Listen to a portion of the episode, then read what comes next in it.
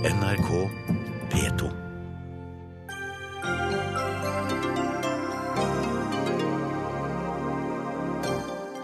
Gjerningsmennene er fortsatt på frifot etter at en vekter ble skutt og såret ved Universitetet på Blindern i Oslo i natt.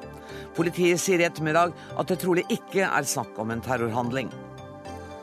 Asylsøkere sitter på vent i over ett år før de i det hele tatt får snakke med Utlendingsdirektoratet. Dette er det dummeste vi gjør hvis vi mener alvor med integrering, sier Karin Andersen fra SV. Å fylle tanken på bilen koster, til tross for lave oljepriser. Det er så lite penger å tjene på bensin at vi legger ned 20 stasjoner i året, sier Statoil.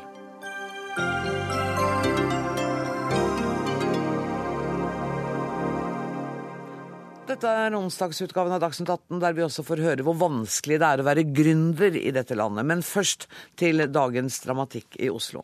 En vekter ble i natt skutt ved Universitetet på Blindern. Politiet slo senere bombealarm i det samme området etter å ha funnet en bombelignende gjenstand. Tidligere i dag kunne politiet bekrefte at gjenstanden er en såkalt hoax, eller en lurebombe, som er egnet for å skape frykt. NRK-medarbeider Ida Dalbakk, du har vært på Blindern det meste av dagen i dag og fulgt politiets etterforskning på stedet. Hva er det som har skjedd? Nei, Hele dag så har det jo vært aktivitet eh, i, eh, utenfor disse bygningene på Universitetet i Oslo. Eh, politiet starta arbeidet med å lete med hunder i området etter spor. Men dette arbeidet var vanskelig fordi det kom veldig mye nedbør i natt. Og så kom jo bombegruppa til stedet etter hvert. Og vi fikk beskjed om at vi ville høre trolig et stort smell eh, når de da håndterte denne mistenkelige gjenstanden. Eh, dette smellet kom ikke fordi eh, det da ikke var sprengstoff i eh, denne gjenstanden. Um, og bombegruppa sa seg det etter hvert ferdig med denne jobben uh, ved tolvtiden i dag. Og da åpnet de etter hvert sperringene, slik at uh, man kunne gå lenger inn på området. da. Hvordan er det nå? Er alle sperringene nå fjernet? Nå er eh, de aller fleste sperringene fjernet, og man kan gå ganske tett opp til dette området der hvor det skjedde i natt, og der hvor bombegruppa har jobba i hele dag. Vi har også med oss på telefon seksjonsleder ved Oslo politidistrikt, og som er etterforskningsleder i denne saken, Grete Lien Metlid. Um, dere leter fortsatt etter to gjerningspersoner. Har dere kommet noen lengre søk etter dem? Ja, vi kan jo ikke nå si uh, at vi har noen løsning i saken. Det er ingen som er mistenkt eller pågrepet. Vi vet jo ikke hva som var bakenforliggende, eller hva de gjorde her i natt. Eh, men vi jobber for fullt eh, nå, og har eh, selvfølgelig gjort det helt siden i natt. Og vil, etterforskning vil gå utover kvelden. Nå er vi bl.a. i gang med å, nye avhør av fornærmede, som selvfølgelig er et veldig sentralt vitne for politiet. Og så får vi se om det kan gi oss ytterligere mer informasjon, eventuelt om vi kan gå ut med noe mer. Dere har tidligere i dag oppfordret folk som var i det aktuelle området i natt om å melde seg. Har dere fått noen uh, meldinger? Ja, det er flere som har tatt kontakt. Uh, både med tips og opplysninger, men også at man har vært i området. Uh, dette er veldig viktig for politiet. Eh, selv om man ikke har gjort observasjoner eller eh, har sett noe, eh, så ber vi at man tar kontakt selv om, selv om man bare har vært i området. Det er viktig for oss å få kartlagt alle bevegelser nå. Og dette kan være med på å, ja, å, å, å løse saken. Dere har også sagt at dere fant en bombelignende gjenstand, eller at den så ut som en bombe. Kan du forklare hvordan den så ut? Jeg tror ikke jeg vil gå i detaljer på det. Nå er jo den gjenstand for tekniske undersøkelser. Ehm, og eh, det er selvfølgelig viktig nå å se om det kan være spor og både på denne og andre, andre, gjenstander og spor som er eh, funnet på stedet.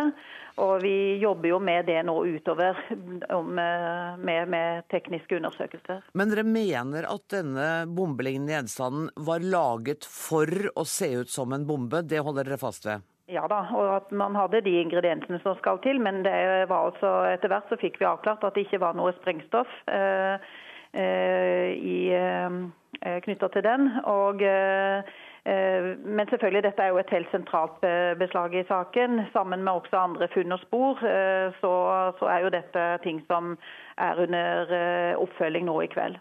Du sier at dere ikke har eh, noen mistenkte, og heller ikke pågrepet noen. Men har dere spor som dere arbeider etter konkret nå? Altså, Vi har selvfølgelig spor og opplysninger vi jobber med. Eh, hvorvidt det vil lede til noen eh, gjennombrudd i saken, eh, det kan vi ikke svare på, rett og slett. Vi vet ikke hvem som står bak. Vi vet heller ikke hva som var motivet eller hensikten med, med, at man var på dette stedet. Men det er jo noe av det vi håper også at vi skal få et svar på. Men vi ber jo selvfølgelig publikum å ta kontakt hvis man har noen kunnskap om det. Så eh, vil nok etterforskningen gå sin gang utover kvelden her. Eh, både med tanke på avhør og det tekniske, men vi jobber selvfølgelig også med andre undersøkelser, ikke minst videogjennomgang og innhenting av annet spormateriale i området.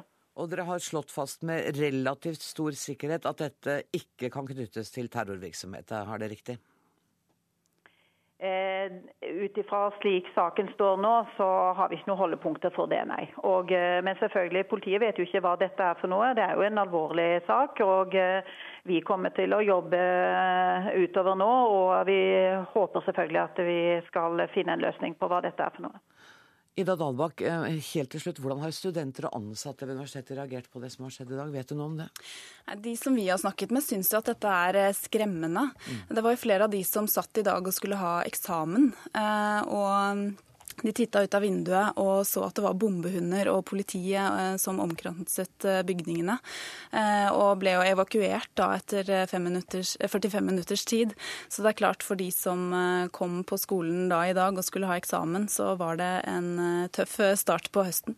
Men nå er altså situasjonen noe avklart og normalisert. Tusen takk skal dere ha, Grete Lien Metlid og Ida Dalbakk.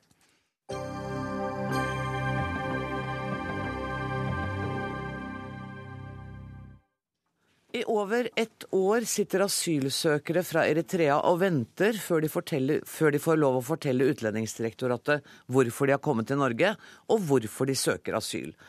Bare hittil i år har det kommet 1400 eritreere til asylmottak i Norge. Flere får ikke gå på skole, jobbe eller delta i språkopplæring fordi staten prioriterer andre.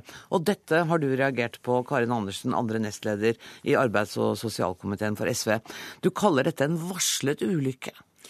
Ja, det gjør jeg, og det er fordi regjeringa har kutt i eh, penger til UDI på saksbehandlinga, og så har de prioritert eh, å få sendt folk ut av landet. Eh, nå har riktignok Stortinget retta opp budsjettet lite grann. Men da veit vi jo at eh, da øker ventetida lenge. Og det som er ille med dette, er jo at eh, veldig mange av de som nå må vente veldig lenge, er folk fra Eritrea, fra Afghanistan og fra Syria. Og flesteparten av dem får opphold. Mm. Og da veit vi jo at de skal bo her i landet.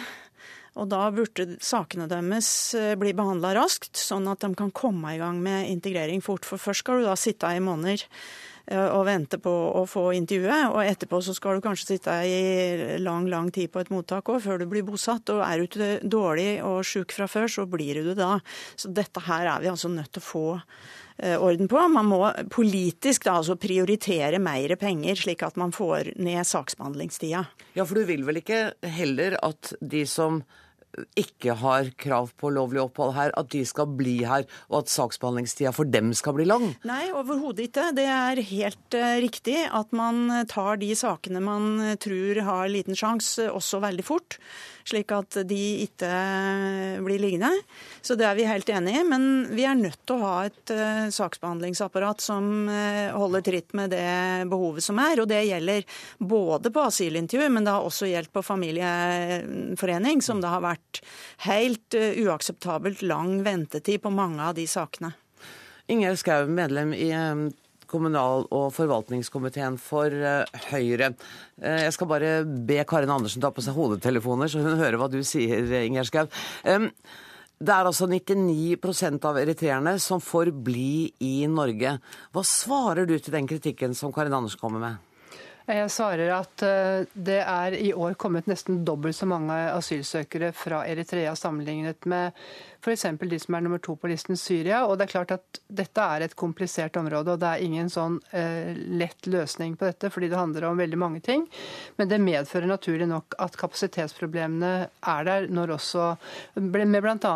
Eh, ventetiden på intervju når det er en økt tilstrømning. Eh, og så er det også slik at eh, det er gjennomsnittlig også veldig vanskelig og komplisert å få opplysninger om disse som kommer fra Eritrea. Det er et veldig lukket land, og det betyr at det må også gjøres veldig mange tidkrevende individuelle vurderinger for, for nettopp å, å ivareta rettssikkerheten for hver enkelt. Og regjeringen har altså hatt kontakt med myndighetene i Eritrea. Statssekretæren har vært på besøk der, og det er behov for beskyttelse Eh, for, veldig, for, en del av disse som reiser, så er det først behov for beskyttelse når de har eh, dratt fra Eritrea, fordi har, en del av de har gjort seg skyld i en forbrytelse, bl.a. at de unndrar seg statstjeneste, altså en militærtjeneste i Eritrea. Dette er en av Eh, flere forhold som gjør seg gjeldende. Og det er klart at det å ha denne kontakten med et land som Eritrea for å kunne også returnere en del av de som opplagt ikke har behov for beskyttelse eh, ut fra asylinstituttets eh, definisjoner, det er også viktig for å, for å klare å skille ut hvem som reelt sett har behov for det. Og selv om jeg hører Karin Andersen nå snakker om at det er lang ventetid, så er jeg enig i det. Men det er et komplisert bilde. Og det er også noe med å få folk ut fra asylinstituttet som ikke skal være der. Men også de som skal ut i kommunene fort. Og da er det greit å nevne at det er altså bosatt flere flyktninger i 2014 eh, enn det det er gjort på 20 år. Eh, allikevel så er ikke det tilstrekkelig. Nei, men Problemet her er at ventetida før man kommer til asylintervju, før man får satt i gang eh, denne saksbehandlingsprosessen, så kan vi diskutere hvor klokt det er å reise til Eritrea og begynne å diskutere med, med diktatorer som, ikke, som bryter menneskerettighetene helt systematisk. Jeg kan la det ligge nå, men poenget nå er jo ikke at det, disse undersøkelsene pågår. Poenget er ventetida før de undersøkelsene begynner. Og Da er vi altså nødt til å prioritere det politisk. Og Det som er min kritikk mot regjeringa, er jo at de hadde prioritert enda mindre penger til dette, og at det var forliket i Stortinget som tross alt ga litt mer penger til det. Og Når man ser hvordan verden er nå, denne uh, asyl... Uh, det, det, kommer mange flere. Vi vet at det er krise i Syria. Og så legger man fram et revidert budsjett som ikke møter dette. Heller ikke nok kapasitet på familiegjenforening. Og da er det behov for kritikk. For dette er ikke bra for integrering integreringa for folk som vi veit kommer til å bli boende i Norge. Før Ingjerd skal jeg få lov å svare på det, så skal jeg spørre Frode Forfang, direktør i UDI. Er det riktig at dere har fått tydelige signaler om at dere skal prioritere og intervjue dem som det er størst sannsynlighet for ikke har grunnlag for lovlig opphold i Norge? Ja, altså Det er i tråd med våre anbefalinger også til departementet at eh, vi skal prioritere de som eh, åpenbart ikke har et behov for eh, opphold i Norge. Særlig de som kommer fra land som, hvor, hvor altså alle får avslag. Det er også noen som kommer derfra, og de får en saksbehandlingstid helt ned mot et par dager. Okay. At, Men så er det da mennesker så, som sitter i 14 måneder før ja, de i det hele tatt får gitt et asylintervju? Nyansere litt på det også, okay. fordi det er ikke fullt så ille. Vi har en saksbehandlingstid som er lengre enn det vi ønsker og det vi liker. Men, men, det er på langt nær så ille som, som, som, som dette. NRK eh, refererte i dag til ja, i over tolv ja, måneder. Ja, det, det, jeg kan si er at, det kan si er at eh, over halvparten av alle eritreere får både intervju og vedtak før det har gått ni måneder. 95% av alle eritreere som søker asyl, i hvert fall de som har fått vedtak så langt i år, har fått vedtaket sitt før det har gått tolv måneder. Og da både altså intervju og så det påfølgende vedtaket. Eh, slik at eh, det er en veldig liten andel av eritreerne som må vente opp mot 13-14 eh, måneder. De aller aller fleste, altså 95% har fått hele saksbehandlingen ferdig før det har gått 12 måneder. Og Så har du andre grupper igjen som jo får saksbehandlingen raskere enn det. fordi vi har vi har ikke en saksbehandling hvor vi tar sakene i den rekkefølgen de kommer inn. Vi har en ganske gjennomtenkt prioritering i forhold til mange hensyn som skal tas. Eh, og eh, da er det slik at eh, nummer én på den prioriteringslisten det er de åpenbart grunnløse asylsøkerne. Også kriminelle som kommer i den kategorien, tar vi veldig raskt. Så kommer de som eh, har såkalt Dublin-sak, altså som skal tilbake til et annet europeisk land. Det er nummer to på prioriteringslisten. For de er det viktig å få raskt gjennom systemet. Mm. Så har vi en del andre grupper hvor vi har ulike prioriteringer. ut fra litt ulike hensyn som det tar litt for lang tid å gå inn på her, men, men hvor Eritrea da er en av de gruppene som har Eh, altså som ikke da er høyest prioritert, men, men hvor likevel eh, de fleste sakene tas godt innenfor eh, et år. Men noen måneder kan man også risikere å, å sitte. Ingjerd Schou, Karin Andersen utfordret deg på dette med penger og budsjett. Jeg går ut fra at du ikke har lyst til å snakke så mye om det kommende budsjettet. Men er det, er det rett og slett pengemangel vi snakker om her? Når jeg hører på Forfang redegjøre for den gjennomtenkte prioriteringen, så tenker jeg at det å uh, få ut de som er åpenbart grunnløse, kriminelle og Dublin-saker, og samtidig kunne si at uh, over 95% av eritreerne faktisk får behandlet dette i løpet av de ni første månedene, uh, faktisk er en god videreføring av det regjeringen har lagt opp til. Det handler om organisering, men dette men ni er jo noe... er også lenge, da? Ja, det er altfor lenge. Men samtidig så er det noe med at Karin Andersen har også sittet i regjering i åtte år. Lengeværende asylbarn, kamptolker, eh, og det er flere av disse områdene. Eh, eh, Vi holder oss til dette nå. Ja, men uansett, altså på 20 år så har det aldri vært bosatt flere. Vi har en statsråd, en barnefamilie, som har tatt kontakt med alle landets kommuner. Og det er klart dette gir altså resultater, selv om det ikke er nok. Det er også noe med å få alle de som er på vent ut av asylmottakene, ut i kommunene, få begynne med livet sitt, samtidig som vi skal ha kontakt med disse landene som er særlig krevende. Og jeg må si at at det er med undring høre på Karin Andersen når hun sier at hun ikke vil eh, ha kontakt med Jeg syns ikke at norske regjeringer skal ha kontakt med eh, en myndigheter i Eritrea fordi de autoritære, har autoritære regimer. Jo, kanskje nettopp derfor. Mm. Når det kommer så mange hit som, eh, som først har grunnlag for å søke asyl når de kommer ut av landet fordi de nekter militærtjeneste, så er det klart at det er også viktig at norske myndigheter har den type kontakt okay, mot eritreiske myndigheter. Det må Karin Andersen få svare på. Ja, først så er det ingen ingen som er uenig i de prioriteringene som UDI gjør innenfor de eh, ressursene de har. Det, er, eh, det tror jeg må bare si så tydelig jeg kan. Det andre er at det er klart dette handler om kapasitet i systemet, og det er en politisk prioritering som regjeringa har gjort, der de har valgt å ikke prioritere opp dette, slik at saksbehandlingstida kan gå ned. Og ni måneder eller ett år eller hva det nå er, er altfor lenge. Dette er folk som vi vet kommer til å få bli og som det er ødeleggende for integreringa. Så hører jeg når dette her åtte år eh, kommer igjen og igjen og igjen. Så kan vi jo diskutere bosettingsordningen, Ingjerd Schou. Men når vi nå har holdt på da i 20 år med en bosettingsordning som åpenbart ikke gir de resultatene vi har, så må det være på tide å tenke nytt der også. For jeg tror vi, Nei, det er, det, for å si det sånn, det er overhodet ikke nok. Og det, det vi må gjøre, er å sørge for at folk som skal bo i Norge, kommer i gang med livet sitt der veldig fort, med plikter og rettigheter. Det vi vet er at å bli sittende lenge på vent, enten det er før eller etter du har fått intervjuet, er skadelig. Mm. Det gjør at integreringen går mye dårligere enn den kunne ha gått, og det er det som er hele mitt anleggende. Ingjerd Schou, du skal få ordet hvis du lover å være kort nå at det er også bosatt flere enn eh, det som ble gjort eh, på veldig mange år. Det handler om å øke integreringstilskuddet. Men vi vet at det er forskjell på kommuner. Mm. Og de kommunene hvor rådmann ordfører tar grep sammen med næringsliv, frivillige organisasjoner og setter dette på dagsordenen som en del av organisasjonen i kommunen, de får også til integreringen. Men dette er komplekst og sammensatt. Da kan jeg bare spørre Frode Forvang helt kort til slutt. Kan dere jobbe enda fortere?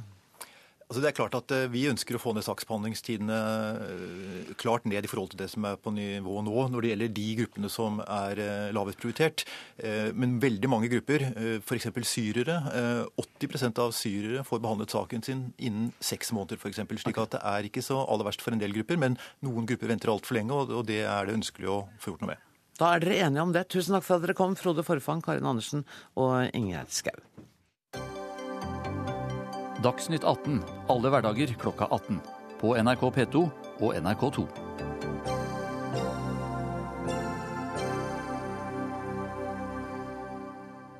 Det er fortsatt medlemsrot i Den norske kirke. Mange oppdager at de mot sin vilje er medlemmer av kirken, nå som de har fått valgkort i posten. Andre livssynssamfunn reagerer på feilinformasjonen og ber kirken rydde opp. Jens Petter Jensen, du er direktør i Kirkerådet. Forklar meg, hvordan er det mulig at folk som ikke er døpt, ikke konfirmert, og til og med har meldt seg ut av en statskirke de aldri har vært medlem av, likevel er registrert som medlem? Jeg kan ikke klare å svare deg på det. Det er en del følgefeil fra den måten man lagde registeret på eh, opprinnelig på slutten av 90-tallet, som Kirken var uenig i, men som staten valgte å basere seg på folkeregisteret. Mm. Så Det er utgangspunktet for en del av feilene. Men så er det noen feil som vi ikke skjønner, og som vi er nødt til å ettergå i sømmene. Dette her er jo, altså, Det er nesten overraskende hvor følelsesladd eh, disse feilene er for folk. Hvor enormt engasjement eh, der. Har de overrasket dere? Nei, egentlig ikke. Fordi at uh, tro, personlig tro, er en ganske viktig greie for både de som tror og de som ikke tror. Mm. Og de som vil høre til og de som hører til. Så det, vi er ikke veldig overrasket over det. Og vi har jo møtt det ved de andre gangene vi har sendt ut valgkort også. Ja, har det vært feil da òg, ikke sant? Jo, det har det. Fordi dette er en følgefeil delvis fra det ble opprettet. Og delvis så er det oppdager vi noen nye feil som antageligvis er av teknisk karakter i forbindelse med dataregistreringen. Men er det sånn at når dere da får vite om feil som dere fikk ved siste valg, eh, en del tusen feil, de er ikke feil nå ved dette valget? Det er veldig viktig for oss å finne ut av, for vi vet ikke det ennå. Vi er nødt til å ettergå nesten hver enkelt av de som sender tilbake og melder fra om at valgkortet har kommet feil. Men det, det høres ut som et utrolig dårlig system? Ja, men det er, det er et kjempestort register. 3,1 eller 3,8 millioner medlemmer. Det skjønner jeg. Men og det gjør at dette er ganske krevende øvelser. Ok, Men hvis dere ikke vet om dere engang har rettet opp feilene fra det forrige valget, altså det er fremdeles stor usikkerhet? Vi vet at vi har rettet opp feilene, men vi vet ikke hvilke nye feil som har kommet, og vi vet ikke om det er sammenheng mellom de. Det er av de tingene vi er nødt til å undersøke. Agnieszka Bryn, velkommen hit. Du er kommunikasjonssjef i Human-Etisk eh, Forbund. Hvorfor er dette så alvorlig? Det er over tre millioner eh, valgkort som er sendt ut, og så er det noen som er feil. Gjør det noe? Det gjør noe. Eh, vi får henvendelser hver dag fra folk som eh, oppdager at de har medlemmer i Den norske kirke som ikke har døpt, som ikke har meldt seg inn, som har prøvd å melde seg ut ikke én gang, men to, tre og flere ganger. Eller folk som melder seg inn hos oss og oppdager at de har vært medlemmer av Den norske kirke i en årrekke uten å vite det. Og det viser at uh, Den norske kirke har oppgir uriktige medlemstall. De er oppblåste, de er uh, ikke reelle. Det viser at uh, fremdeles i dag i Norge er det slik at man må aktivt melde seg ut istedenfor å melde seg inn i et trossamfunn, noe som burde være helt selvfølgelig. At, man, at, at, Uansett trossamfunn så skulle det være slik at man aktivt meldte seg inn, sånn at en barndåp ifølge deg, ikke vil være som en søknad om medlemskap? Alle andre tros- og livssynssamfunn er pålagt å ha oversikt over våre medlemmer, eh, og det kreves aktiv innmelding. Vi mener selvfølgelig at Den norske kirke også burde eh, legges under eh, slike krav. Hva sier du om det, Jonsen? Nei, Det er jo helt klart at det er en aktiv innmelding når man blir døpt til Den norske kirke, enten som barn eller voksen. Ja, det er jo ikke ungen som Nei, men har, ungen, barnet har jo en full anledning til å melde seg ut. Ja, Det virker jo som det er litt problematisk når folk har prøvd tre og fire ganger. Ja, men dette er et lite antall. Okay. Vi beklager de som får valgkortene feil, og vi beklager de feilene som skjer. Og vi gjør hva vi kan for å rette det opp. Men på en annen side så er det 3,1 million valgkort. Men, men, kunne dere tenke dere å vurdere en ordning hvor man aktivt måtte melde seg inn for å bli medlem av kirken? Jeg tror I utgangspunktet er det veldig vanskelig å tenke seg at ikke dåpen er inngangsporten til en kirke. Så det vil jeg si virker veldig vanskelig å tenke seg. Så din, ditt forslag til løsning er det politikerne som sitter på? Nemlig at dere får, eget, dere får tilgang til et eget register? Vi har et eget register, ja, men, altså men, oppfølgingen av det registeret er uh, ganske viktig. Da må jeg snakke med deg, Bjørgulv Vinje Borgenvåg, som er statssekretær i Kulturdepartementet. Eh, jeg vet at det ikke var din regjering som sa nei til dette forrige gang Kirken ville det. Men kan dere se på det igjen? Eh, nå har Stortinget bevilget over 80 millioner kroner til gjennomføringen av kirkevalget. Og vi bevilger av statlige bevilgninger til Kirken, så får Kirkerådet over 100 millioner hvert år, som også skal gå til drift og vedlikehold av registeret. Så de kan ordne seg sjøl? Vi mener at her er det utrolig viktig at selv om man ønsker seg eventuelt et nytt system, eh, så må man selvsagt ta tak i de utfordringene som er der i dag. Vi kan ikke overse det. Én ting er at vi har følgefeil fra 90-tallet, men om folk har forsøkt å melde seg ut i de senere år og det ikke er registrert, så har det ingenting med de følgefeilene å gjøre. Så det er Kirkens ansvar. Dere har penger nok, og dere har muligheten. Vi vil eh, gå i dialog med departementet om det. Vi, jeg inviterer dere til det nå, ja. ja. nettopp. Og det vi vil foreslå, er at vi drøfter med departementet om å få en Altinn-side. Eh, min side, som gjør at alle kan gå inn på sin side og finne ut hvordan, hvilke informasjoner som ligger der. Sånn som vi gjør med selvangivelsen? De fleste andre ting. Kunne det være en tanke? Det er jo ingenting i veien for at Kirken oppdaterer og fornyer sin måte å bruke medlemsregisteret på og forvalte det på og lage en selvbetjent løsning. Det er vi positive til. Men nå har Stortinget akkurat vedtatt at vi skal skille stat og kirke, så at de da skal inn på den statlige Altinn-løsningen, det er jeg ikke sikker på om det er den beste måten å gjøre det på. Ja, du er usedvanlig tydelig på at du har ikke tenkt å gjette med fem øre her. Gjette på hva da? Gjetter med, ønske om flere penger til å gjøre dette her. Nei, det altså, har du altså, ikke tenkt. Politikkens oppgave er å prioritere. Og, vi prioriterer stramt innenfor de rammene vi har. og det er klart at Når Kirken får betydelige midler fra stat og kommune, så er det å holde et oppdatert register det er en av de viktigste oppgavene de har. Og Det er opplagt, det er vi helt enig i. Og så må vi likevel gå i dialog med departementet, for det er de som bevilger alle våre midler så langt. Men dere har eh, fått hva da? Du sa 100 millioner til eh, Altså, Kirkerådets del av kirkens bevilgninger er 104 millioner kroner i året. I tillegg så har Stortinget bevilget 81 millioner kroner til gjennomføring av kirkevalget. Men så vil jeg også bare understreke igjen, altså nye løsninger, nye flotte selvbetjeningsløsninger er bra, men vi må faktisk, Kirken må sørge for at de løsningene de har i dag også fungerer. For om det skulle komme en ny løsning, så vil det ta tid å få den på plass. Og Da må folk kunne melde seg ut og ha trygghet for at de kan melde seg ut i den tiden, eller inn. For det skjer jo faktisk andre veien også. At folk ønsker å melde seg inn og ikke bli registrert. Heldigvis, og, eller heldigvis eller ikke heldigvis. Det går litt begge veier. Litt begge veier ja. Det går litt begge veier. Og jeg er enig med vi, vi må drøfte dette, hvordan vi best kan løse det. Men det er klart at vi i utgangspunktet nå er nødt til å få det systemet vi har, opp og gå så godt vi bare kan.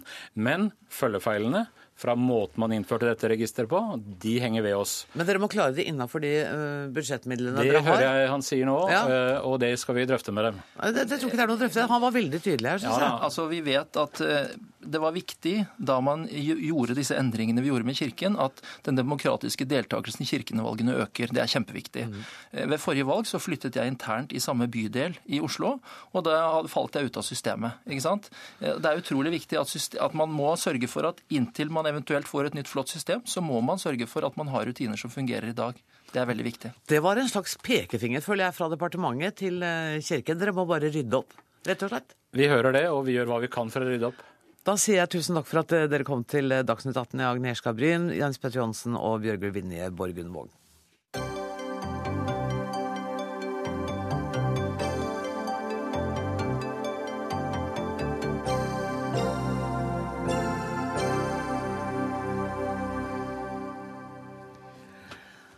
Professor ber staten gripe inn, det står det på forsiden av Dagbladet i dag.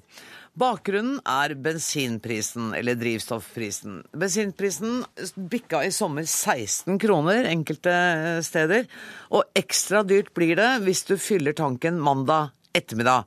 Noe billigere hvis du gjør det på mandag morgen. Av grunner som vi snart skal komme til bunns i, håper jeg. Susanne Bondevik, du er politisk rådgiver i NAF. Når fyller du bensin?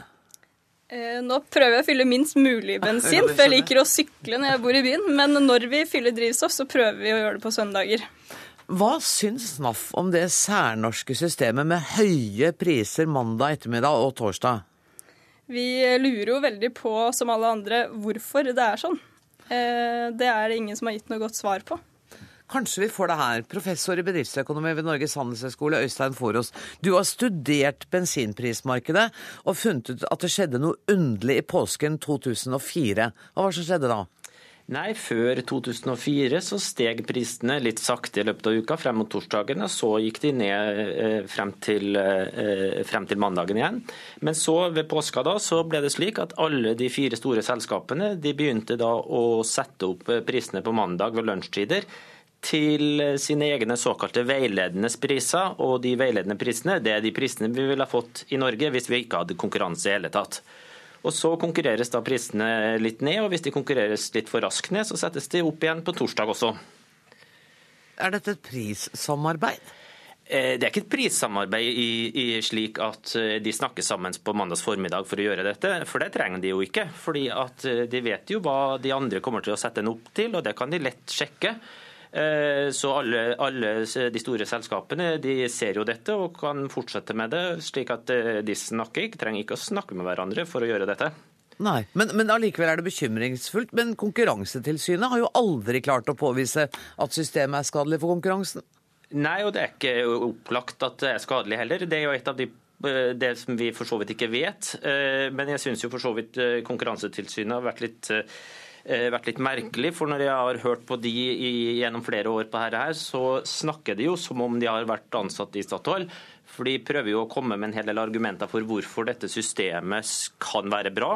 Og Det kan godt være at det er en del eh, eh, elementer i dette som kan være bra, men det er jo da Statoil og selskapenes rolle å komme med. Konkurransetilsynets rolle her burde jo bare være å be selskapene dokumentere at eh, dette er bra. Vi skal snakke med en som jobber i Statoil, Pål Heldås, kommunikasjonsdirektør i Statoil Fuel and Retail.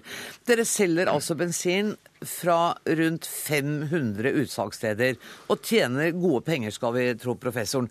Hvorfor kan det ikke da være en jevnere og lavere pris på den bensintanken jeg fyller? Nei, Det er eh, konkurransen som bestemmer hvordan prisene svinger. og eh, Jeg forstår jo det, det, journalistiske i å spørre hvorfor prisen settes opp, men dere kan jo like gjerne spørre hvorfor den faller så mye. Ja, ok, eh, jeg spør gjerne om det. At, ja, ja, Hvorfor faller den så mye i løpet av helga, og før den da stiger den på mandag ettermiddag? Det skyldes konkurransen bensinstasjonene imellom. Når vi setter en listepris, en veiledende pris, som dekker våre kostnader, og som gir den fortjenesten vi vi mener vi skal ha, så eh, begynner stasjonene som ligger i nærheten av hverandre å konkurrere prisen ned. og Den faller og den faller og den faller. Og så faller den til et punkt hvor ingen av selskapene lenger tjener penger på drivstoffet, og da er alle tjent med å løfte prisen. Da er alle tjent med å løfte prisen, ikke sant? For da ser man på hverandres lister, og så tenker de nå gjør vi det. Ja. Og det syns du er helt uproblematisk. Hva var det egentlig som skjedde i den påsken 2004? Jeg spør deg òg, jeg. Ja. Påsken 2004 eh, jobbet ikke jeg i denne bransjen, så jeg, jeg, kjenner ikke detaljene i akkurat det som skjedde da. Men eh, Konkurransetilsynet følger jo denne bransjen veldig tett, og har til enhver tid friskmeldt måten denne konkurransen foregår på. Det foregår litt ulikt eh, i ulike land der vi har stasjoner, men det er altså sånn at selskapene tilpasser seg hverandre, følger med på, på, hverandre. og Det er faktisk en utfordring. fordi hvis for mange av eh, kundene fyller på disse gunstige tidspunktene da prisene er lave, så, så har man stasjoner som står, står, tomme store deler av tiden. Og Det har vært et problem i, i, Danmark, hvor vi også har stasjoner, hvor prisen settes opp hver morgen og faller eh, mot hver kveld. Og så har man en annen dynamikk enn i Norge. En enkeltsjel. Jeg tenker kan ikke være litt flatere. Men Bård Hoksrud, du er stortingsrepresentant for Fremskrittspartiet. Og når jeg ser på kvitteringa etter å ha fylt tanken, så lurer jeg på om det er Frp som sitter i regjering, ja. ja, dessverre så er det sånn at det er, det er høye avgifter på dette her. og vi... Nei, Men de har jo ikke endra seg. Eh, avgiftene har ikke, ikke endra seg, nei. Men vi har faktisk sørga for at i 2015 så sørga vi for at ikke det ble prisstigning. Og det kosta 310 millioner kroner på statsbudsjettet å sørge for at ikke prisen skulle gå opp. Men da, hvorfor da, jo, men, Hvor sinna blir du da når du ser at bensinprisen øker allikevel? Ja, Du vet at Frp er ikke glad i avgifter, så det, nei, det gjør at man blir avgiftene, avgiftene er flate. Da er det noen som tjener penger på at bensinprisen stiger. Det er, det er nettopp derfor Frp ønsker å redusere eh, avgiftene. Og så er det sånn at det er et stort flertall på Stortinget som ikke gjør det. Ja, men, men, vi, men vi har... avgiftene. Jeg snakka om at så... selv om avgiftene ligger fast, ja. så stiger altså bensinprisen. Ja, og det er der, det er der i hvert fall jeg føler at her må det være et eller annet rart. Fordi det er, det, er ikke, det er, ikke, det samme i Norge som f.eks. Danmark, som, som kommunikasjonssjefen i Statoil var inne på. Der ser man altså helt andre priser enn det vi har i Norge. Tydeligvis er det bedre konkurranse der. Det er fire store selskaper i Norge som er veldig dominerende. Det er vanskelig å komme inn på dette markedet her. Eh, og det er rart at eh, det er så stor prisforskjell. Eh, altså Hvis du fyller på mandags morgen, så eh, sist mandag så tror jeg det kosta 10,98. Ja, du eh, fyller mandag morgen, Jeg fyller mandag ja, ja, morgen, og jeg kan det, men jeg kjører så mye bil at jeg må fylle også de dagene hvor det er gris og grusomt dyrt. Så det er noen dårlige greier. Men, men, men, det er, og det er det vi reagerer litt på, fordi eh, det er noen mekanismer her som ikke fungerer, og, og konkurranse. Altså, det er ikke veldig, Hvis du kjører innover, jeg kjører fra Telemark til Oslo, og ser prisen, så er det ganske like priser i de forskjellige områdene. Det er litt forskjellig eh, hvor du kommer fra, om du er i Telemark, Vestfold, eh, Buskerud eller, eller Oslo. Men, men, prisen eh, rundt de samme stasjonene er veldig like. så det, Jeg skjønner at folk lurer litt. Og når oljeprisen har dette med 50 Nettopp. Eh, og så sier man at eh, dollarkursen har gått opp, men den har ikke gått opp så mye. Og det er da jeg ikke helt skjønner resonnementet at vi nesten ikke har hatt høyere drivstoffpriser enn det vi har akkurat nå. nå. Nå er ikke du statssekretær lenger, men allikevel vet du hva som skjer når bensinbransjen blir kalt inn på teppet til statsråden. Hva skjer da? Ja, Da går prisen ned etterpå. Eh, nå, jo, men, jo, men, ofte så har faktisk det har skjedd når, når det har vært møte med finansministeren så har faktisk prisen eh, gått ned etterkant. Nå har altså finansministeren eh, og næringsministeren har, eh, kommer til å kalle inn bransjen på nytt igjen, fordi de ikke er fornøyd med, med den situasjonen som vi, vi, nå ser, og den måten selskapene gjør dette på. Jeg jeg må høre med professoren igjen, Øystein Forås. Er, er det som Hoksrud sier her, er det liksom en slags forklaring på hvorfor det er som det er? Nei, altså jeg eh, skal være litt forsiktig. Jeg syns det var interessant når jeg hørte Statoil her i sted som sa det at alle kjente på dette, og, og, det er nok uh, en viktig forklaring, det. Sånn at når de fortsetter med dette, uh, og når det gjelder kan du si, det generelle prisnivået i Norge på bensin, ja, så er det jo høyere marginer i Norge enn eksempelvis i Sverige. Det har jo vært vist ved flere anledninger. Så Men vi må leve med dette, da? Eh, ja, jeg eh, foreslår jo at eh, det har jo i hvert fall vært en enkel ting for konkurransemyndighetene å kreve at selskapene bedre skal dokumentere at, at kundene tjener på dette. Noen tjener nok på det, for det er ikke et mål i seg selv at vi skal ha like priser utover hele uka. Så, det, så vi kan nok forvente at hvis det skulle ha vært like priser gjennom hele uka, så vil nok kanskje de ha vært høyere enn da de laveste prisene som noen kan få på søndagskveld, der det er sterk konkurranse. Mm. Kan ikke jeg bare få sagt at eh, Både Konkurransetilsynet og Finansdepartementet ble invitert til å delta i denne sendinga, men begge har eh, takket eh, nei. Pål Heldås, nå trues det altså med at dere skal inn på teppet til finansministeren igjen. Da synker prisene litt etter det, da? Uh vi gjør ingen endringer når vi har vært på teppet hos finansministeren. Har det bare vært det én gang. Eh, og da var Årsaken til at prisene gikk ned da, det var ikke finansministerens eh, helt greie uh, møteinnkalling og, møtets innhold. Det var at kostprisene gikk ned. Og Det var det også i juni, da vi hadde en rekordhøy listepris og, Frp kommenterte flittig. Så var det ikke FrPs kommentarer, men det var våre kostpriser som gikk ned. og vi tar gjerne nye møter med finansministeren, for det vi ikke er tjent med, det er en finansminister som ikke kjenner økonomien i vår bransje og prisdannelsen på våre produkter. Og Vi har tall, vi ferske tall eh, som viser at vi har lavere bensinpriser i juli i år enn vi hadde i juli i fjor. Og at eh, kostprisen, altså vårt fall i kostpris, hva det reflekteres hva, hva, mener du med kostpris her? Vi kjøper bensin og diesel på det internasjonale markedet. Eh, Statoil Fuel and Retail, som bare driver bensinstasjoner, og som ikke selv har raffineri. Vi må kjøpe dette eh, til eh, samme, samme pris på verdensmarkedet, kjøpe bensin og diesel, og selge det videre forhåpentligvis med en smule fortjeneste. Men den er ikke veldig høy, selv om noen har inntrykk av det når de blander nett netto- og bruttofortjenesten vår. Nå føler jeg at du snakker rett til Bård Hoksrud, at han ikke har skjønt dette her. Hva sier du, Hoksrud? Ja, Hoksrud må bli med på møtet. For alle i Frp som mener om bensinpriser, må jo, må jo, ha fakta. Og de kan man jo bare få fra oss i selskapene. Og, og du har ikke, altså, Hoksrud har ikke skjønt det, rett og slett? Han mangler noen fakta. Nei, det mener jeg definitivt ikke, ikke at det gjør. Men jeg skal, gjerne, jeg skal, gjerne, bli med på møtet og ta gjerne et møte med, møte med, dere.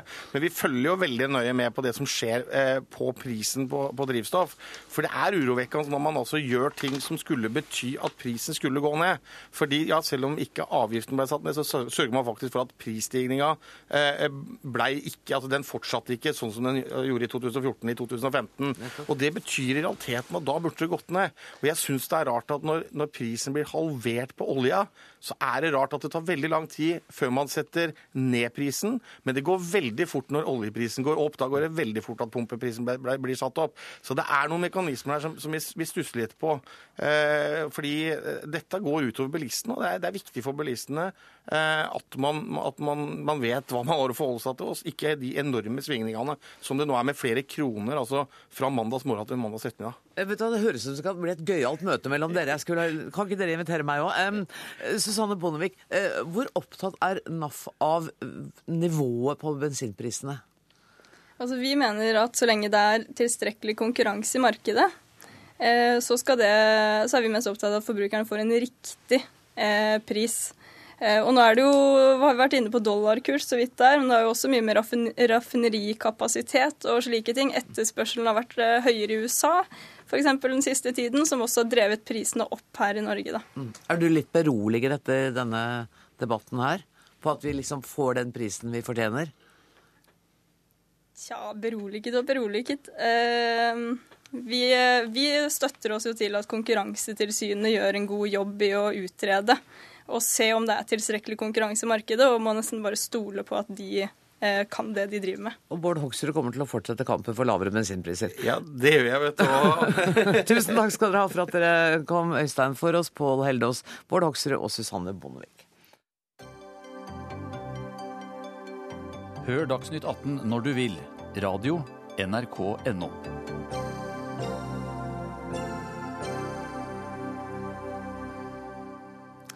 Fjern verneplikten.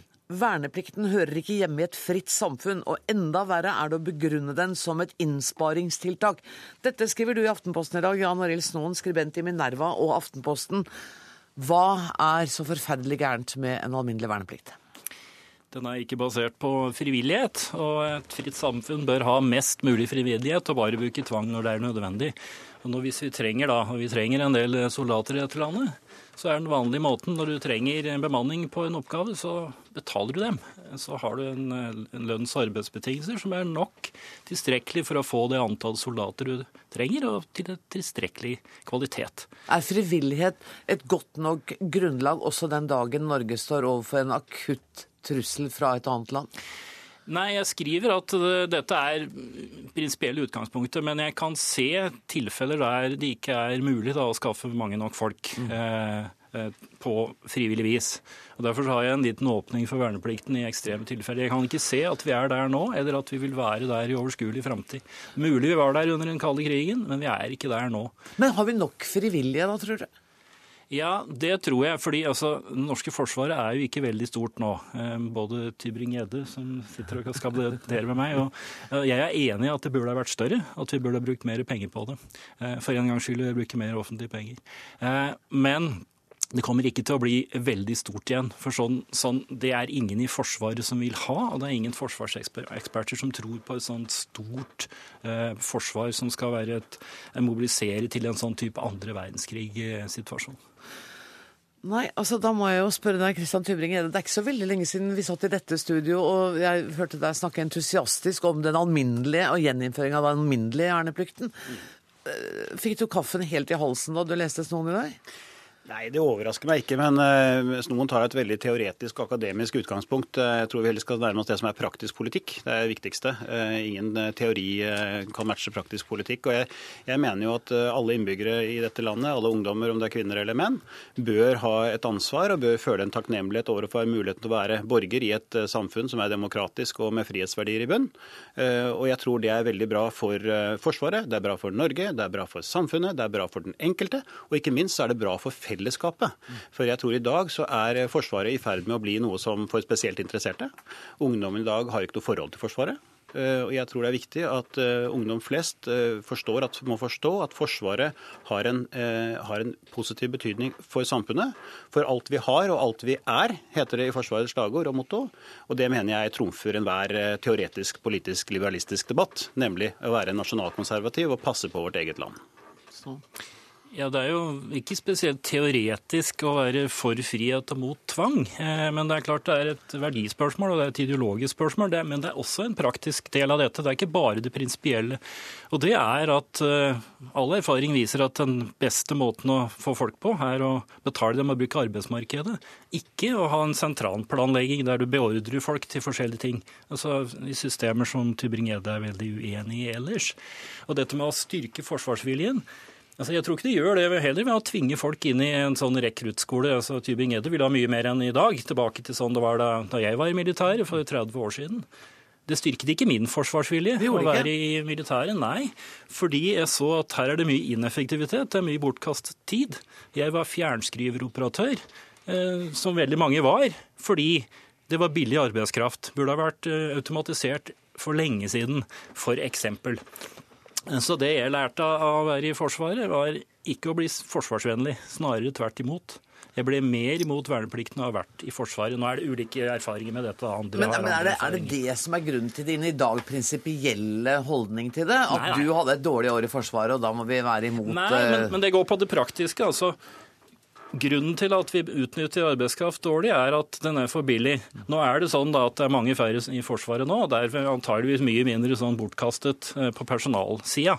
Det er riktignok en del bortkastet på, på utstyrssida, men det er en litt annen debatt. Noen feilinvesteringer. Men det er altså sånn at eh, jeg tror veldig mange i Forsvaret er enig i dette. Det sier jo forsvarssjefen også, som er på bakgrunnen for, for eh, min kronikk i dag. At han vil helst ha flere, flere vervede og færre vernepliktige. Men fordi de vernepliktige er billigere, så går han likevel eh, inn for det. Og det er en dårlig argument. altså Hvis vi skal bruke vernepliktige fordi de er billige, altså at de er en særskatt på de vernepliktige, så snur det opp ned på all økonomi også. Men Tybring-Gjedde, det, det ville jo ikke være noe dårlig forsvar hvis vi hadde bare vervede. Nei, men ikke så mange som vi trenger. Vi kunne mobilisere opptil 160 000 soldater på 80-tallet. I dag har vi 20 000 soldater. Disse 20 000 soldatene er spesialtrente og langt flinkere enn de 108 000 eller 60 000 vi hadde den gangen. Det er ikke noe tvil om. Men det er også en, en, at både amerikanere og russere ser jo at det er viktig å ha feet on the ground, som de sier. Nemlig å ha soldater som ikke nødvendigvis er eksperter eller som kan styre avanserte forsvarssystemer, men rett og slett er folk som vet forskjell og frem og tilbake på en AG3. Jeg tror det er veldig viktig. Og Når det gjelder det prinsipielle ved det, så mener jeg at eh, vi forholder oss til lover og regler i det norske samfunnet. Vi nyter godt av de godene som velferdsgodene er. Og jeg mener at det er naturlig at når vi nyter godt av velferdsgoder, så må vi også kunne bidra gjennom et år av vårt liv til enten å være i Forsvaret, altså forsvare disse godene som vi faktisk nyter godt av, eh, og, eh, og, og det er overhodet ikke bortkastet tid. Jeg var selv i, i Forsvaret, og jeg mener det du får gjennom det å være et fellesskap, gjennom å bo på et seksmannsrom, dette å kunne ha en enhet, dette å ha felles bespisning, dette å ha marsjere, dette å faktisk pusse skoene dine og ha ryddig skap, det mener jeg kan være en samfunnsoppgave. Og Forsvaret skal ikke ses i isolasjon. Forsvaret er en del av samfunnet, slik alle andre ting er en del av samfunnet. Men har du ikke noe sans for argumentet om at det er billig arbeidskraft? Eller eh, nå snakker vi om den gangen, da. At man brukte alle disse folka fordi det faktisk var billig arbeidskraft, og at man egentlig ikke ble så himla god soldat av det? Nei, jeg synes det er helt, en helt litt meningsløs debatt. for dette, Det er ikke snakk om en arbeidskraft her. Det er å gi tilbake til noe til samfunnet, og, eh, og du får en liten eh, en fortjeneste på det gjennom noen dagpenger. Det har vi alle godt av. og Hvis du ikke i, vil være i Forsvaret, så mener jeg et årets samfunnstjeneste, enten om du ønsker å jobbe i en barnehage eller jobbe i SFO eller gjøre noe annet for samfunnet, så mener jeg det bare er positivt. Og jeg syns ikke at vi skal hele tiden sette en prislapp på alt vi gjør her i samfunnet. Tror faktisk dette er bra for samfunnet som en helhet. Å skape dette fellesskapet som er i ferd med å forvitre. For folk har ikke, noe for, har ikke noe forhold til Forsvaret, som vi alle er helt avhengig av den dagen det smeller. Jeg, vet ikke hvilket, jeg aner ikke hvilket poeng du her har tenkt å angripe. altså, altså, i- Ty- Tybring-Gjedde hadde jo en kronikk om dette i, i Dagbladet i, i sommer. Ja. eh, og Der skriver han om dette som er en sånn Da snakket vi om det i dette Ja, studioet også, akkurat, skjønner du, så det er ikke helt nytt. Ja, nettopp. Eh, og- Men i hvert fall, der er det altså dette samfunns... eh, Altså denne nasjonalfølelsen som skal skapes.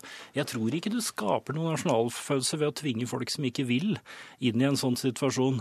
Og, og, og det du skal ha her, altså med, med flagg og nasjonalisme og sånn altså I et annet type system, tvinge folk til å være sånn eh, noen uker eller måneder, så kaller vi vanligvis det da for indoktrinering. Eh, Jeg tror at en, en sunn nasjonalfølelse, den kommer frivillig, og den kommer gjennom andre tiltak enn å tvinge folk til å gjøre noe som for mange vil være meningsløst. Det er veldig mange nå som, eh, av de som faktisk avtjener verneplikten sin, som gjør det mer eller mindre frivillig, for det er såpass få uh, igjen. Så vi har kommet sånn halvveis i, retning, i min retning, og jeg vil fortsette å gå i den retningen.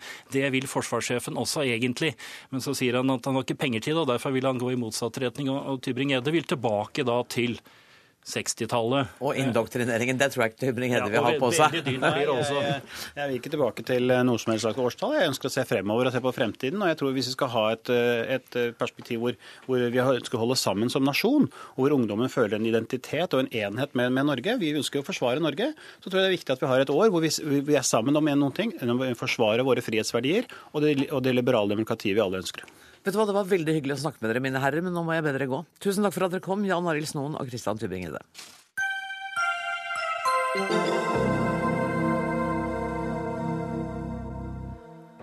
Svært mange mennesker gir opp drømmen om å klare seg selv innen yrkeslivet. Myndighetene skremmer små næringsdrivende, eller gründere som de heter.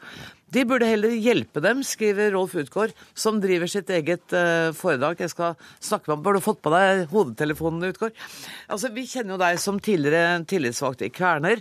Og du har nå skrevet en kronikk hvor du altså hevder at gründere i Norge straffes. Det var da voldsomt. Ja, jeg tror uh, veldig mange opplever det sånn. og Det som er problemet. Og uh, jeg har ikke opplevd så fæle greier. Jeg har klart meg bra. Men jeg får mange historier. Og det som fikk begeret til å flyte over, det var min frisør som tok kontakt og var helt slått ut. Hun hadde fått et brev med krav om tvangsinnfordring. Det hørtes ut som hun hadde gjort underslag eller gjort noe annet straffbart. Og det var fordi hun hadde betalt litt for lite forskuddsskatt etter den terminen som hun da skulle betalt. Og da forfaller hele forskuddsskatten for hele året til innbetaling. Det er en eh, gammeldags og helt eh, håpløs ordning, og den må gjøres noe med snarest. Eh, hele forskuddsskattordningen bør endres, og den kan samordnes med merverdiinnberetningen og innbetalingen f.eks. Og gjøres mye mer enklere og smidigere. Og husk på at veldig mange av de som jobber og tjener penger som selvstendige, de betaler altså skatt på penger de ikke har tjent. De skal betale da en fast sum hver, eh, fire ganger i året. Og de vet jo ikke hva de kommer til å tjene, de fleste. Så det her er det mye å ta tak i. Det er mye andre ting også, men det får vi ikke tid til å gå inn på nå. Nå tar vi ta, ta det med skatten først. For vi har med oss Monica Mæland på telefon, næringsminister for Høyre. Um, dette er jo en regjering som sier at de vil satse på gründervirksomhet nå når vi er i en overgangsfase fra den oljebaserte økonomien til den landbaserte. Kunne dere ikke da ordne opp med dette skattesystemet, Mæland? Jo, nå er det faktisk sånn at eh, Regjeringen har jobbet med å forbedre betingelsene for gründerne fra den dagen vi tiltrådte. Og bare siste, De siste månedene så har jeg reist rundt i Norge, snakket med gründere. Både de som har lykkes og de som ikke har det, for å få konkrete innspill til forbedringer. Så har vi gjort en hel del. og jeg synes Det er veldig bra at utgår setter dette på dagsorden. Når det gjelder skattesystemet, så er det ganske unyansert det som fremkommer. For det er faktisk sånn at vi har et system som inviterer til at selvstendige næringsdrivende kan ta kontakt med skattemyndighetene på avtalt termin, basert bl.a. på hvilke kontantstrøm man har. Eh, men så er det òg regler for eh, eh, betaling ved forfall. Og det er jo slik at Vi må ha et rettferdig system. og Det systemet ser jo ikke om noen lar være å betale med vilje, eller om man har et uhell. Nei, Det skjønner jeg, men, men kan, vi ikke, kan, vi ikke, snakke litt om dette med forskuddsskatt? For hvorfor kan ikke gründere også betale skatt på etterskudd som vi andre gjør? Altså betale skatt av penger de faktisk har tjent? Nå har vi lagt opp et skattesystem eh, som skal likebehandle inntekter, og som forsøker å imøtekomme ulike eh, selskaper og ulike modeller. Og Så kan det godt være at vi kan gjøre endringer i dette. Det er strengt tatt finansministerens ansvar. og Hun jobber altså med å forbedre systemet, fordi vi trenger at næringslivet bruker mindre tid eh, både på rapporteringer og på kontakt med det offentlige, hvis man kan la det være. Men generelt så er det altså slik at vi gjør forenklinger for gründere med digitaliseringer, med mindre rapporteringer. Ja. Og ikke minst så har vi styrket tilgangen på kapital. For det er noe av det gründerne melder om er det største problemet. Det er hjelp til å starte virksomhet. Eh, og de ordningene vi har gjennom Innovasjon Norge, gjennom SIVA og gjennom Forskningsrådet, er kraftig styrket. Ja, statsråd, dette er fint, men akkurat nå var jeg litt opptatt av at vi skulle snakke om dette med forskudds- kontra etterskuddsskatt. Og sånn som jeg oppfatter deg, så er det ikke aktuelt å uh, gi gründere anledning til etterskuddsbeskatning, sånn som vi vanlige lønnstakere har? Når det gjelder skattespørsmål, så må du invitere finansministeren til den. Men dere snakker vel sammen? Ja, jeg, og det gjør vi. og Derfor så gjør vi forbedringer for gründere. Men mitt ansvar er jo da å samle gründerpolitikken. Og vi jobber nå med å lage en helhetlig plan fordi vi skal ha bedre rammevilkår. Vi trenger at flere starter egen bedrift, og vi trenger at flere lykkes. Fordi vi har gått i feil retning nå gjennom de ti siste årene på dette feltet. Vi skal ha kontakt med Torgeir Reve, professor i Institutt for strategi og logistikk ved BI. Eh, Du har sagt til en kollega av meg i dag at du har stor sans for eh, Utgårds eh, kritikk. Hvilke punkter er det du er enig i? Ja, absolutt. Fordi at Det er jo en rekke punkter eh, gründere diskrimineres på, ikke bare på forskuddsskatt. De har dårlige ordninger når det gjelder eh, syketrygd, sykelønn. De har dårlige ordninger på pensjon. De har et regelverk som er så komplisert at eh, hvis jeg har en eh, næringsinntekt, så sier jeg som regel ta det som lønnsinntekt. Jeg orker ikke dette eh, regelverket som ligger på å være privat eh, næringsdrivende. Men det betyr at da taper du penger. Nei, altså, eh, jeg kommer best, jeg kom best ut som, som lønnstaker. og Det er problemet. At, at man har laget et system som, som prioriterer lønnstakere, helst skal man være ansatt i staten. I stedet for det som Monica Mæland sier, at vi trenger gründere og, og nyskapere, så er regelverkene gjerne for de andre departementene slik at det, det er nesten en sånn mistillit til de som driver egen virksomhet. Og Dette bør ryddes opp i. Det er ikke så vanskelig å få til. Og Da må eh, flere departementer snakke sammen. Det er ikke bare kapital det er snakk om. Men kan, men kan ikke du være enda tydeligere på, på eksempler som du mener er helt håpløse nå? Ja, eksempel Hvis en, en selvstendig næringsdrivende er syk, eh, så tar det langt flere dager før han eller hun eh, får utbetalt noe sykelønn enn en, en, en lønnstaker. Karensdagene eksempel, er mange. eh, 16 år. 16 karensdager. Mm. Og Det er jo en, en klar, eh, en klar ulikebehandling. Så hvis man skal virkelig få fram gründere, så må man sørge for at de vil- minst har de samme betingelsene, kanskje bedre betingelser enn den starta. Utgår det er voldsomt kraftig støtte her fra Ja, jeg setter pris på det. Og jeg tror det er tusenvis av de som sitter og hører på, som er små næringsdrivende, som setter pris på det. Og jeg har jo da, etter den artikkelen jeg hadde i går i, på Ytring, så har jeg fått masse henvendelser i dag. Også fra Høyre-folk, gode kollegaer av Monica Mæland, som har ønska meg lykke til og, og si stå på. Og jeg tror at dere gjør mye bra i departementet rundt dette her nå. Og, og det er fint hvis det kommer en helhetlig eh, utredning på det. Men en del ting kan gjøres ganske straks. Og Jeg kommer til å følge opp dette her med helt konkrete forslag som jeg kommer til å sende til partiene.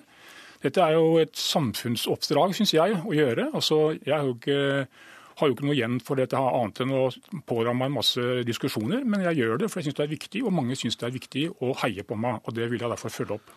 Monica Mæland, er du overrasket over denne relativt tydelige kritikken både fra Torgeir Reve og fra Rolf Utgaard, når du samtidig sier at dere gjør masse for gründere, så virker det som om i hvert fall disse to ikke deler den oppfatningen? Det kan være, men jeg reiser altså rundt, møter gründere eh, i alle deler av landet for å få konkrete innspill til hvordan vi kan bedre rammebetingelsene, fordi det trenger vi å gjøre. Når det gjelder Utgård sin eh, kronikk i dag, så eh, fremgår det jo bl.a. at han mener at selvstendig næringsdrivende betaler mer skatt enn andre. Det er f.eks. ikke riktig. Undersøkelser viser at arbeidstakere betaler mer skatt enn selvstendig næringsdrivende. Og så er det jo riktig at det er ulike eh, systemer, bl.a. for sykepenger. Men det henger jo sammen med hva man betaler inn. Fordi det er slik at man som arbeidstaker betaler mer inn til det offentlige for å få denne type ytelser enn man gjør som selvstendig næringsdrivende. Men det er jo lagt til rette for ordninger hvor selvstendig næringsdrivende kan betale inn. eh, Og man kan også ta opp forsikring for å forsikre seg eh, mot f.eks. sykdom. Slik at Vi har et system som på mange måter forsøker å imøtekomme ulike modeller. Men så er jeg helt enig i at vi helt sikkert kan gjøre forbedringer, og det jobber vi altså med. Torgeir Reve, er du fornøyd med at man arbeider med forbedringer? Ja, det er, den, det er bra at det gjøres noe i Næringsdepartementet om dette, men jeg tror det er en del andre departementer, og ikke minst det som skjer på de som administrerer ordningen, den type holdninger man møtes med som selvstendig næringsdrivende rundt omkring i etater og osv., er, det er eh, på mange vis eh, negativt. Og, og det gjør at folk vegrer seg med å starte. Vi trenger virkelig gründere og entreprenører i dette landet. Og da må vi ha ordninger som gjør det veldig enkelt å være gründer. Utgår du for 20 sekunder til slutt. Er det sånn, tror du, at folk uh, har lyst til å begynne for seg sjøl, men ikke orker pga. byråkratiet? Det tror jeg, og det er mange som prøver seg, men som gir opp etter hvert. De, de møter motstand, manglende tillit i det offentlige, og får kanskje en smekk, og så slutter de. Jeg har fått mange meldinger i dag folk som sier at de aldri mer. Og det, sånn skal det ikke være. Folk, folk skal bli tatt godt imot. Jeg ønsker et partnerskap med det offentlige. Folk er stolte av å jobbe, og, og klare seg sjøl og bidra til fellesskapet. Og da må de bli møtt med velvilje og ikke en sånn tone som man får i disse brevene. Få vekk juristene på dette her, og få inn folk som kan behandle folk på en skikkelig måte. Der fikk du jammen siste ordet i denne utgaven av Dagsnytt 18, Rolf Utgård. Jeg sier takk til deg og til Monica Mæland og til Torgeir Reve. Så skal jeg bare bruke de siste sekundene til å fortelle dere at det var Hege Holm som var ansvarlig for sendinga i dag. Det tekniske ansvaret har Lisbeth Sellereite. Jeg heter Anne Grosvold og ønsker dere en riktig god kveld.